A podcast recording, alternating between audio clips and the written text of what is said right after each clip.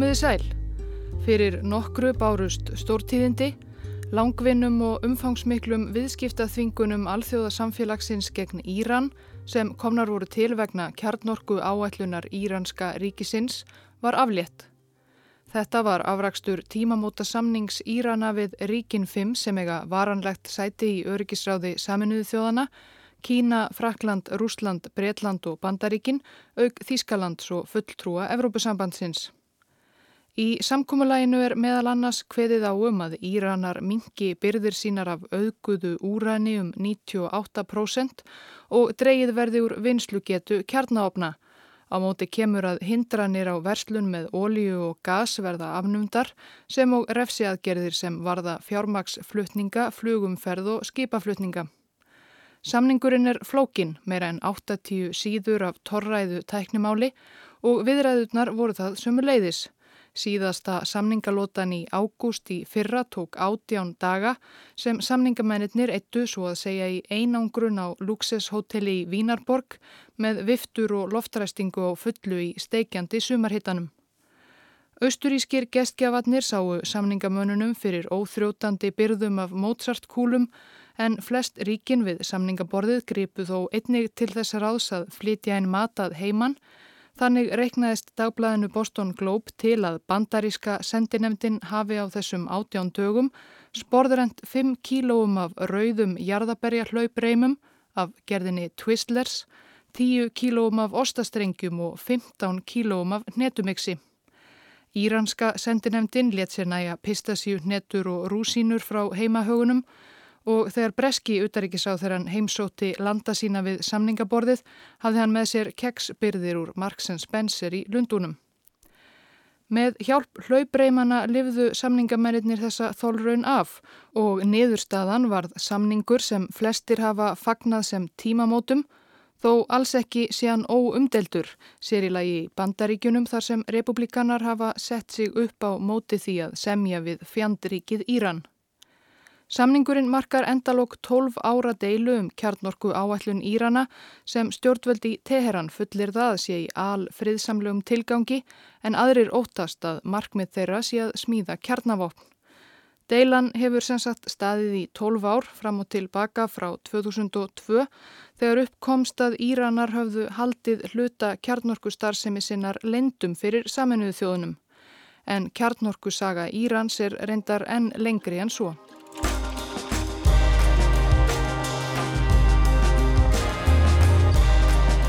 Förum aftur til desember byrjunar árið 1953.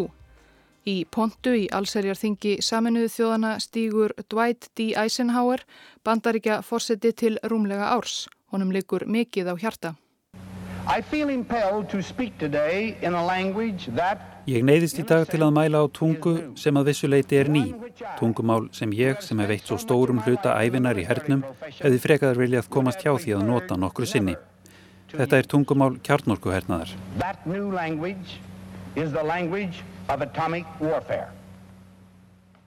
Þetta er bara átta árum eftir kjarnorkusprengju árásinnar á japansku borgirnar Hiroshima og Nagasaki. Flestum eru enni fersku minni myndirnar og fréttirnar af hryllingnum sem íbúar þessara borga þurftu að þóla og gríðarlegri eðileggingunni. Mörgum er mikið í munað hindrað slíkum gereyðingarvopnum verði beitt aftur. En að samaskapi vilja margir beistla kjarnorkuna þennan nýja og uppluga endurnýjanlega orkugjafa. Í ræðusinni á allserjarþinginu rætti Eisenhower þessa þversögn, eigðileggingar mátt kjarnorkunar og mikla möguleika hennar sömu leiðis. Hann lagði þar draugina því kerfi sem enn í dag á að koma í vekk fyrir útbreðslu og nótkunn kjarnavopna Fjórum árum síðar var alþjóða kjarnorkumála stopnunin sett á fót innan saminuðu þjóðana til að stuðlað friðsamlegri nótkun kjarnorku, rétt eins og Eisenhower hafði mælt fyrir um í ræðusinni. Og Eisenhower lagði upp með annað verkefni í ræðusinni á allsýraþinginu. Það kallaði hann Atóm fyrir frið sem öll ræðan er jafnan kend við í dag. Í þeirri áætlun fólst að ríki sem vildu koma sér upp kjarnorku í al friðsamlegum tilgangi fengju til þess aðstóð reyndar í kjarnorkuvelda gegn því auðvitað að eftirlit væri haft með því hvar og hvernig orkan væri brúkuð. American Delegate Lodge outlines the plan to give atomic fuel for peaceful projects elsewhere. Eisenhower uppskar standandi lofataki í allserjarþinginu þegar hann lauk máli sínu. Mál manna var að þetta væri eitt þýðingarmesta innlegg bandaríkja manna og vettvangi saminuðu þjóðana til þessa. Winston Churchill spáði því að þessi mikla yfirlýsing Eisenhowers myndi enduróma um alla heimsbyggðina.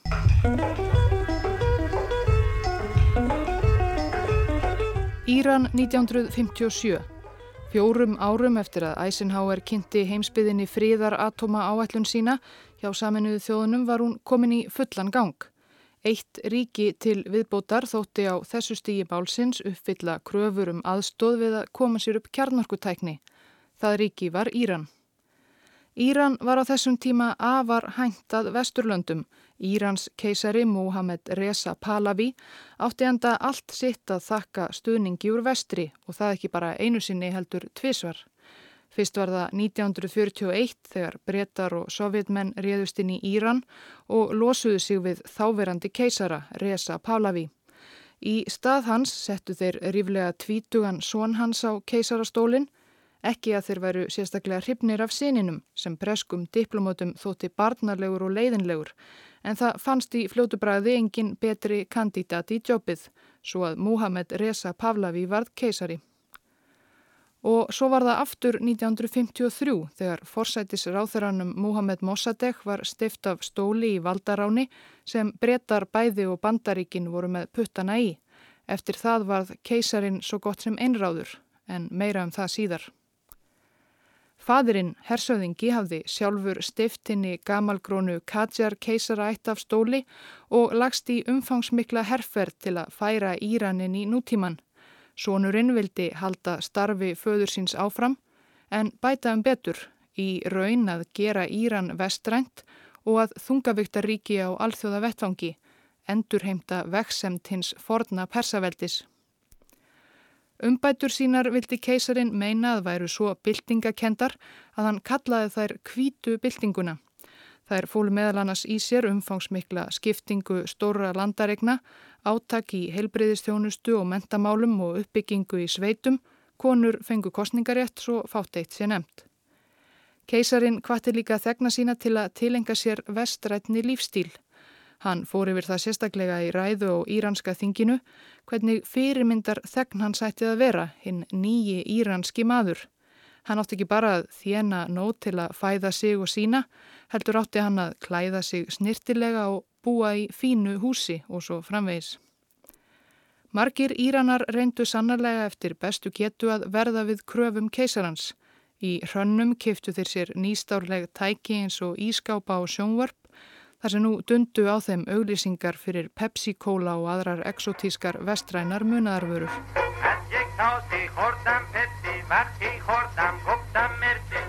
En það var önnur nútímatækni sem átti hug og hjarta keisarans sjálfs á þessum tíma, kjarnorka. Kjarnorkan var eins og flóknasta, háþróaðasta og dýrasta tækni sem umgat á þessum tíma og því ekki á valdin nema fremstu ríkja heims að koma sér upp kjarnakljúfum. Ríki sem hafði beislað afl atómsins gati ekki verið óbreytt þróunarland. Víða um heim hugsuðu menn á sömu nótum.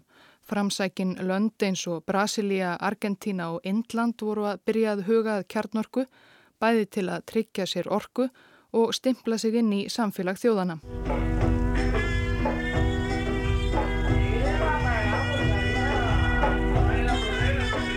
Og árið 1957 fekk keisarin Ósk sína uppfylta með hjálp bandarískra vina sinna. Í háskólanum í Teheran var komið upp litlum 5 megavatta léttvatnskjarnaofni beint frá bandaríkunum.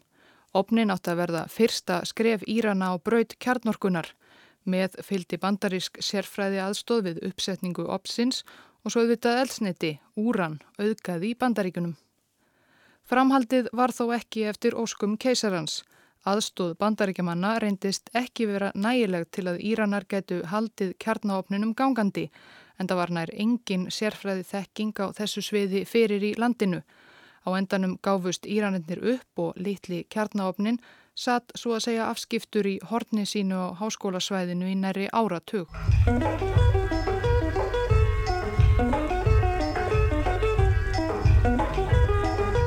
Allt þar til 1965 þegar ungur maður að nafni Akbar Edemat sneri heim til Teheran frá námi í Sviss. Edemat hafði þar byrjað í rafendaverkfræði en skipti yfir í kjarnælisfræði og var nú komin heim eflaust lærðar í þeim fræðum en nokkur annar Írani var á þessum tíma. Þrátt fyrir það fekk Edemat ekki vinnu fyrstum sinn eftir heimkomuna en það var enn lítið af kjarnorkumálum í Íran að segja annað en að bandaríski kjarnáopnin sapnaði riki í háskólanum og að af og til kom keisarin fram ofinberlega og erði sig á því að ennværu Íranir ekki búinir að koma sér upp kjarnorku tækninni sem hann þráði svo heitt að geta stert sig af. Þær yfirlýsingar keisarans fóru ekki fram hjá Edemat þar sem hann fletti dagblöðum og gláfti á sjónvarpið í atvinnuleysinu. Edemat sá í hendi sér að hér væru tækifæri hans kominn Með prófskýrteinin sín undir arminum fór hann á fund þeirrar ofinberu stopnunar sem að nafnun til fór með kjarnorkumál Íranska ríkisins. Yfirmaður stopnunarinnar áttaði sig strax á að hér var sérfræðingur á ferð, loksins Írani sem skildi leindarmál atomsins. Prófskýrtinni Etemats voru sendt beinustu leið á borð sjálfs keisarans og tveimur dögum síðar var Etemat skipað að hefja strax störf við Teheran háskóla Verkefni hans var að koma kjarnaopninum í gagnið og til þess fengi hann alla þá fjármunni sem til þyrti.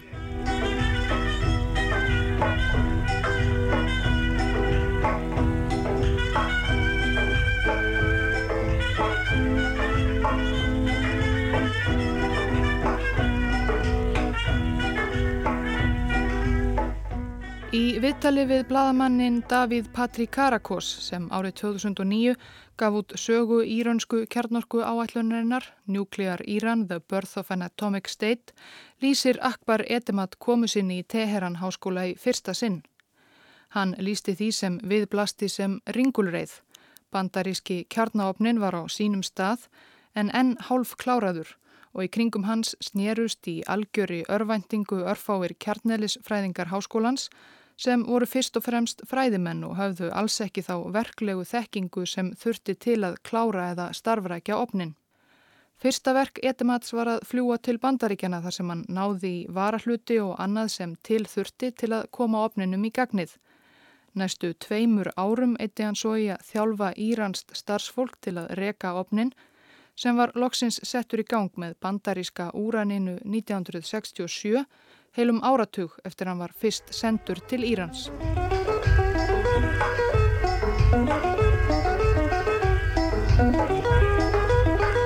Keisarin var kampakátur, loksins, loksins aði Írönum tekist að beisla kjarnorkuna. En hann vildi meira en bara einn lítinn kjarnáopn á háskólasvæðinu í Teheran sem aðalega gagnaðist fræðimönnum. Hann vildi miklu, miklu meira. Kjarnorku spekingurinn Akbar Edemat varð snarlega enga vinur keisarans og þar að auki forstuðumadur spánnýrar kjarnorkumála stopnunar Írans sem var algjörlega sjálfstæð og heyrði einungis undir keisaran sjálfan.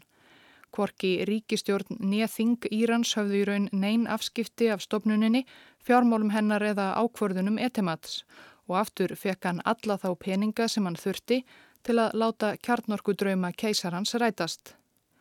Í þetta sinn var sannarlega af nógu að taka.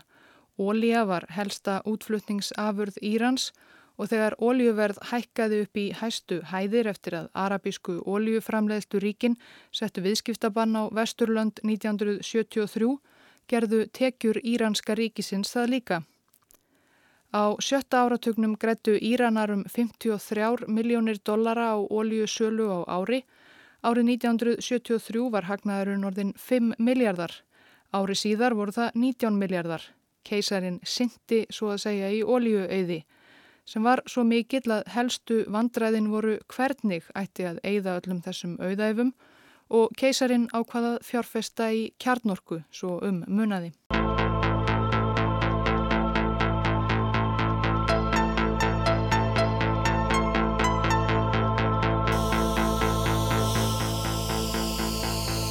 Fljótlega voru fyrirtæki í bandaríkunum og vestanverðri Evrópu farin að keppast um að taka þátt í íranska kjarnorku æðinu. Það var á lókum þýska fyrirtækið Kraftwerk sem hrefti 6 miljardar dollara samning um að reysa stóran þrýstivatts kjarnáfn í bússér við strönd Persaflóa sem sjá átti borginni Sýras fyrir ramagni.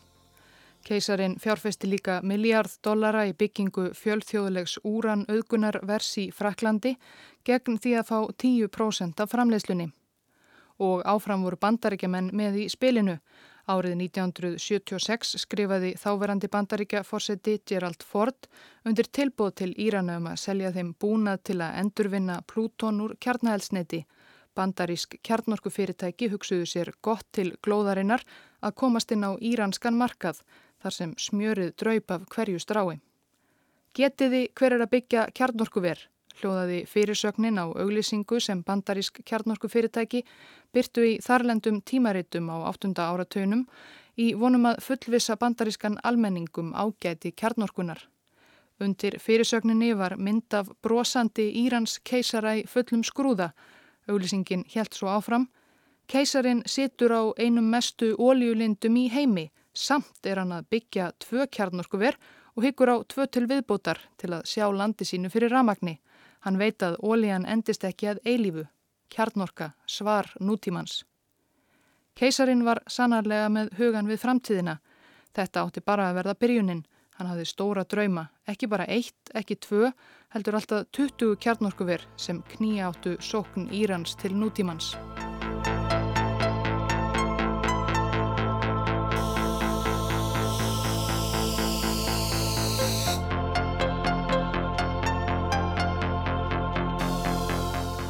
Fræðimenn hafa á síðari árum velt fyrir sér hvort keisarin hafi haft í hyggju að þróa kjarnavopn á einhverjum tímapunkti. Því verður ekki neitað að Muhammed Reza Pahlavi var mikill áhuga maður um hernað. Bandarískir og breskir diplomatar sem hittu keisaran kvörtuðu oft undan því að hann vildi fátt annað ræða. Sér í lagi var hann áhuga samur um vopnabúnað helst af allra nýjustu sort.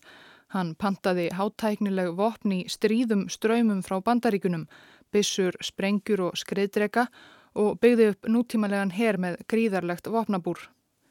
Akbar Etimat hefur sagt frá því viðtölum nú á síðustu árum að hann hafi um skeið haft nokkrar áhyggjur af fyrirætlunum keisarhans og ekki síst almennu þekkingarleysi hans á eðli kjarnorkunar. Hann hafi því tekið keisaran í enga tíma í kjarnælisfræði sest niður með þessum æðsta ráðamanni þjóðarinnar, konungi konunga Persju og af þólinnmæði kentonum það helsta um samindir og atóm. Í lok þessa námskeið sem tókum hálft ár hafi hann svo spurt keisaran hvort hann vildi komast yfir kjarnavopn og keisarin neytaði því. Íranski herin væri nógu öflugur nú þegar. Árið 1968 skrifaði Íran undir alþjóðasamningin um að dreifa ekki kjarnavopnum og var raunar eitt af allara fyrstu ríkunum sem það gerði. Keisarin lagði sérstaka áherslu á að Íran skrifaði undir samningin strax á fyrsta degi til að sína heimsbyggðinni að markmið kjarnorku uppbyggingar ríkisins veru al friðsamlegar. Enda sagðist hann alltaf bara vilja beisla kjarnorkuna til raforkuframlegslu Það væri galið að brenna ólíu til þess þegar svo heiminn há verð fengust fyrir ólíuna á alltjóða mörguðum. Það væri eins og að brenna peningum. Ólían myndi jú ekki endast að eilífu eins og sagði í auglýsingunni góðum.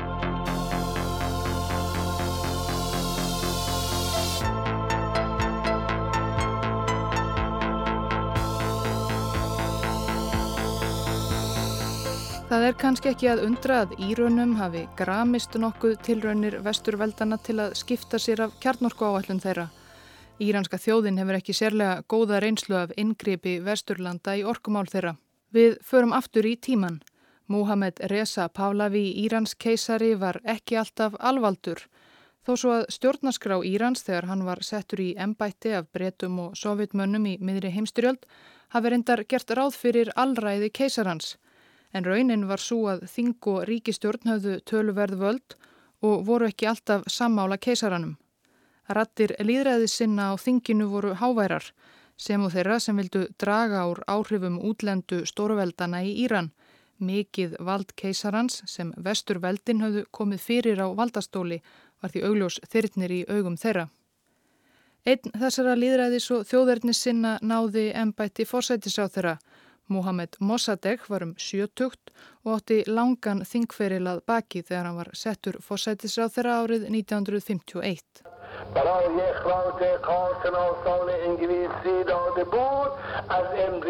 Óum deilanlega afdrifaríkasta embættisverk Mossadeghs var að þjóðnýta íranska oljuiðnaðin sem áratugum saman hafi verið undir stjórn Bresks fyrirtækis Anglo-Persian Oil Company sem síðar tók upp nafnið British Petroleum eða BP. Þjóðnýtingin naut mikils stuðnings íraunsku þjóðarinnar sem var þreytt á að sjá auðin úr óljulindum Írans fljóta beintofan í breska vasa. Við þjóðnýtinguna lagðist niður öll starfsemi í Abadan sem þá var einn stærsta óljuvinnslustöð heims. Óljumál heimsins komust í uppnám. Bretarurðu ævareiðir beittu viðskiptaþvingunum og hótuðu stríði en að lokum varð niðurstaðan að steipa bara hinnum afskiptasama fórsættis á þeirra Mossadegh af stóli. Leini þjónustur Breitlands og Bandaríkjana með samþykki aðstu ráðamanna í báðum löndum lögðu á ráðinum að koma Mossadegh frá. Kaldastríðið var í algleimingi og með hjálp breyta sannfærðust bandaríkjumenn fljótt um að Mossadegh væri hættulegur kommunisti sem var fjarrri sanni. Bandaríska leinithjónustan CIA eitti miljónum dollara í að borga bófum og óþjóðalíð fyrir að fara gegn Mossadegh. Þann 19. ágúst 1953 sköpuðu þeir algjöra ringulreið á götum höfuborgarinnar Teheran. Fólk á vegum CIA hópaðist að embættisbústað Mossadeghs og í lokdagsögðu hermenn handtekið fósættisáþurann. Faslola Sahedi, hersöðingi og keisara sinni tók við embætti fósættisáþura og keisarin fekk aftur þau völd sem honum voru ætluð í stjórnarskráni. Valdaránið og þáttur útlendra stórvelda í því markaði djúb sári írenska þjóðarsál sem enn eru ógróin og gera það verkum að margir íranar líta af mikilli tortrygni á hverskins afskipti erlendra stórvelda af sínum málum.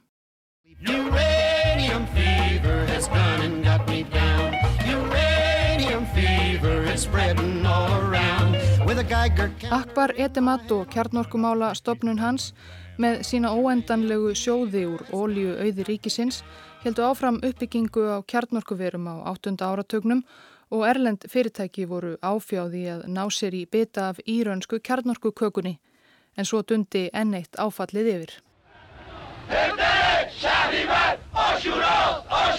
Ónæja almennings með keisaran hafi farið stigvaksandi síðustu ár 8. áratögarins. Mótmælið gegn stjórnhansurðu sífelt fjölmennari þar til margar miljónir manna voru farnar að sapnast saman á götum íranskra borga til að krefjast þess að keisarin færi frá. Keisarin hafði ekki bara notað auðsinn og völd til að byggja kjarnakljúfa, nei þvert á móti. Hann hafði líka gert allt sem í hans valdi stóð og það var töluvert auðvita til að tryggja sér í sessi og hveða niður hverskins andof. Hann þóldi engan uppsteitt.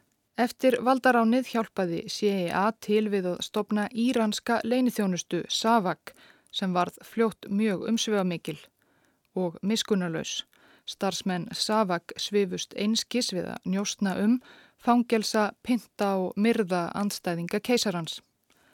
Mörgum þegna hans misböð spillingin, eðslusemin og hegóminn Fátt sínir eins vel brúðlið og hekomann sem einnkendi valdatíð Pálavís en það þegar hann árið 1971 ákvaða að halda upp á 2500 ára afmæli persneska keisaradæmisins.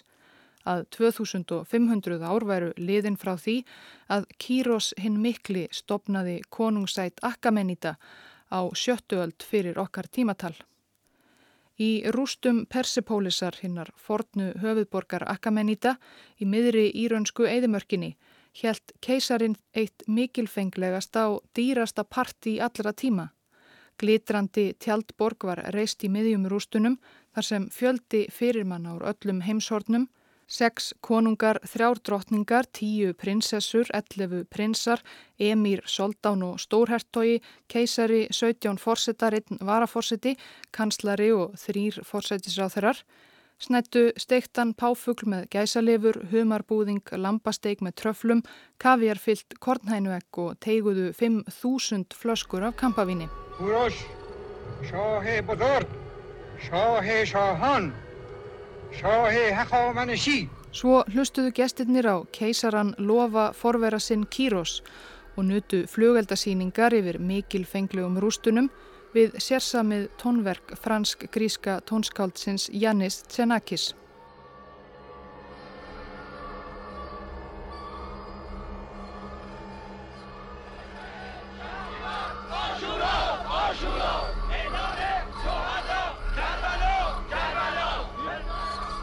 Fjölbreytt fylking tók þátt í mótmælunum gegn keisaranum, allt frá vinstrimönnum til íslamskra klerka og svo óbreyttur almenningur sem þráði meira líðræði.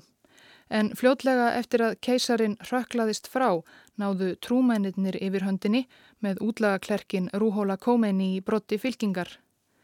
Ný stjórnvöld gerðu stránga tólkun sína á Íslams trúað undirstöðum ríkisins og börðust öttulega gegn því sem klerkarnir kölluðu eitur vestursins sem keisarin hafði leiftað grassera í íraunsku samfélagi. Þar á meðal var kjarnorkan. Uppbygging kjarnorkuvera var ekki lengur framarlega í forgámsuröðinni. Henni var ítt til hliðar sem tilgangslausum draumórum keisarans og dadri við nýlenduveldin. En það voru vestrænu fyrirtækin sem höfðu tekið þátti í byggingu kjarnorkuverana fljótað forða sér eftir að Khomeini komst til valda og skildu Írana eftir með hálf kláraðar byggingar og bandaríkin hættuðu við þetta líka snarlega öllu samstarfi við Írani í kjarnorkumálum sem og á öllum öðrum sviðum. Það bætti ekki úr skák þegar herskáir námsmenn hertóku bandaríska sendiráði í Teheran og heldu starfsmönnum í gíslingu, hinn forna vináta bandaríkjana og Írans var þá endanlega rofin. Og svo braust út stríð.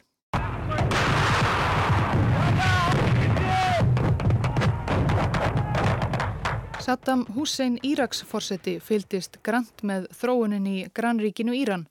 Honum var ekki sérlega að skapi að herskáir síaklerkar væru komnir þar til valda og ákvaðað nú væri rétti tíminn til að útkljá gömul landamæra deilumál. Þann 22. september 1908 réðst íraski herin á Írana fullum þunga. Styrjöldin sem þá hófst varð lengsta hefbundna stríð 20. aldarinnar og stóð óslitið í 8 ár, þar til því laugloks með vopnallið í ágúst 1988.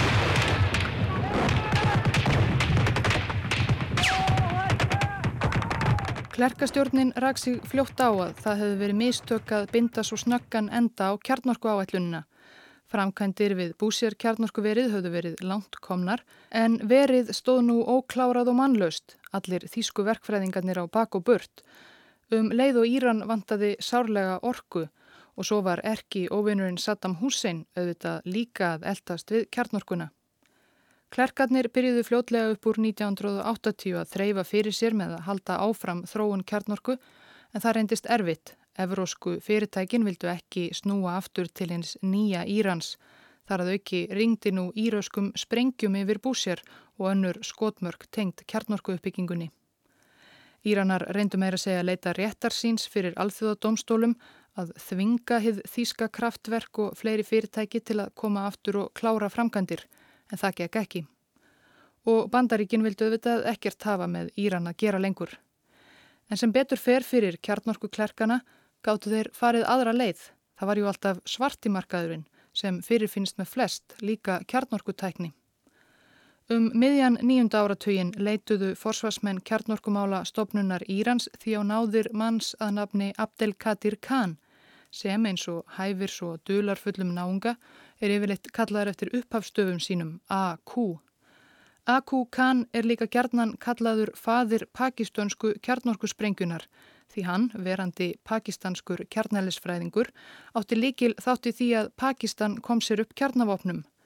En Aku Khan fegst líka við annað svona til hliðar. Það er svartamarkaðs brask með kjarnorkutækni, nokkuð sem hann stundaði áratugum saman á skala sem ekki hefur sérst fyrir eða síðar en kom aðeins í dagsljósið fyrir nokkrum árum.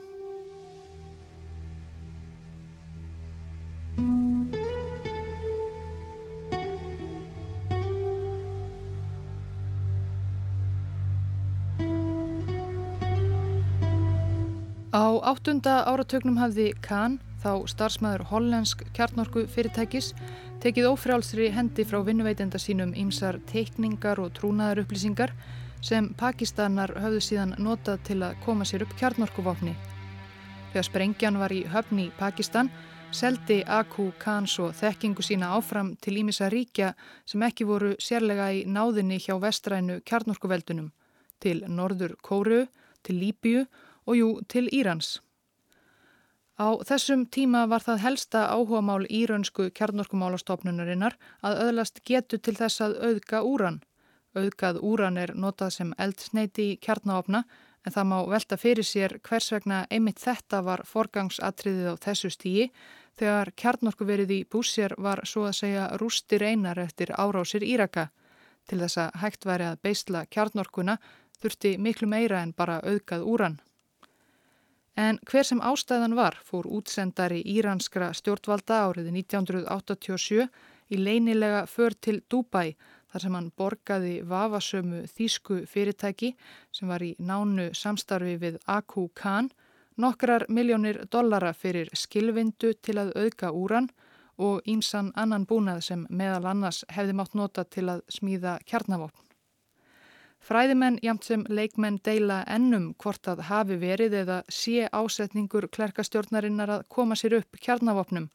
Það má nefna ímislegt til með og á móti. Á aðrahöndina gaf Khomeini Ayatollah eitt sinn út fötvu, það er trúarlega tilskipun, gegn geriðingarvopnum. Írönsk stjórnvöld hafa af og til vitnaði þessa tilskipun til að undirstryka friðsamlegan ásetning sinn. En á hinbógin þarf slíkt auðvitað ekki að þýða mikið. Það er óumdeilanlegt að Íranar hafa ekki alltaf sagt allan sannleikanum kjarnorkumál sín.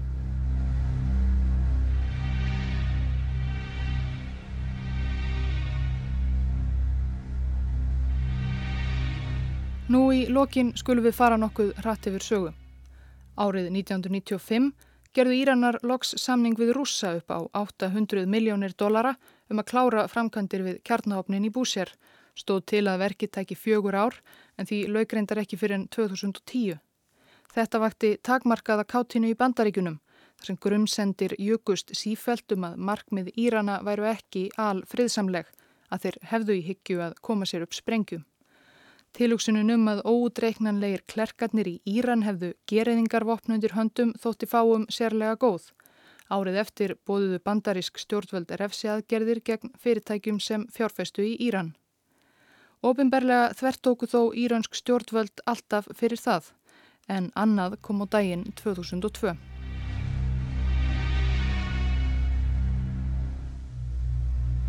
Þá byrtu útlægir andstæðingar klerkastjórnarinnar gerfinatamindir sem þóttu sína að Íranir hefðu um árabil leikið tveimur skjöldum. Á sléttunni í miðjulandinu við borgirnar Natans og Arak höfðu leinilega risið tvö kjarnorkumannverki sem eftirlitstofnun saminuðu þjóðana hafði enga vitnesku um, þungavatsver og úranauðgunarstöð. Við þessar uppljóstranir fengu grunnsemdirnar um að markmið klerkastjórnarinnar væri að koma sér upp kjarnavopnum, sannarlega byrjundir báða vangi. Alltaf hafa írönsk stjórnvöld undirstrykað að þau komi í friði en alltaf hafa vesturveldin með bandaríkin í broti fylkingar dreyið fullirðingar þeirra í Eva, írönum til nokkurar gremju. Deilurnar mögnuðust enn þegar hinn umdeildi æsingamaður Mahmoud Ahmedinejad var í ennbætti fórseta Írans frá 2005 til 2013.